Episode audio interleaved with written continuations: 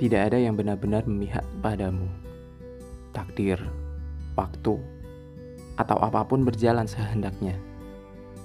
Tidak ada waktu yang akan berjalan lambat untuk mencegahmu dari bahagia ataupun mengurungmu pada situasi yang menyebalkan. Tidak ada waktu yang akan berjalan cepat karena perasaan paling bahagia yang kau rasakan dalam detak jantungmu yang senang. Selalu seperti itu. Melangkah, meniti sesuai perintahnya, bukan perintahmu. Tapi tenang, tak perlu khawatir.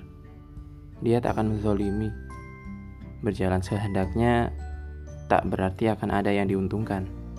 Bahkan jika kau menyerahkan seutuhnya padanya, kamu akan untung sampai tidak ketulungan. Kebaikannya meliputi segalanya. Dan sebaiknya, kepermihakanmu adalah kamu yang berpihak padanya, menyerahkan seutuhnya kepadanya.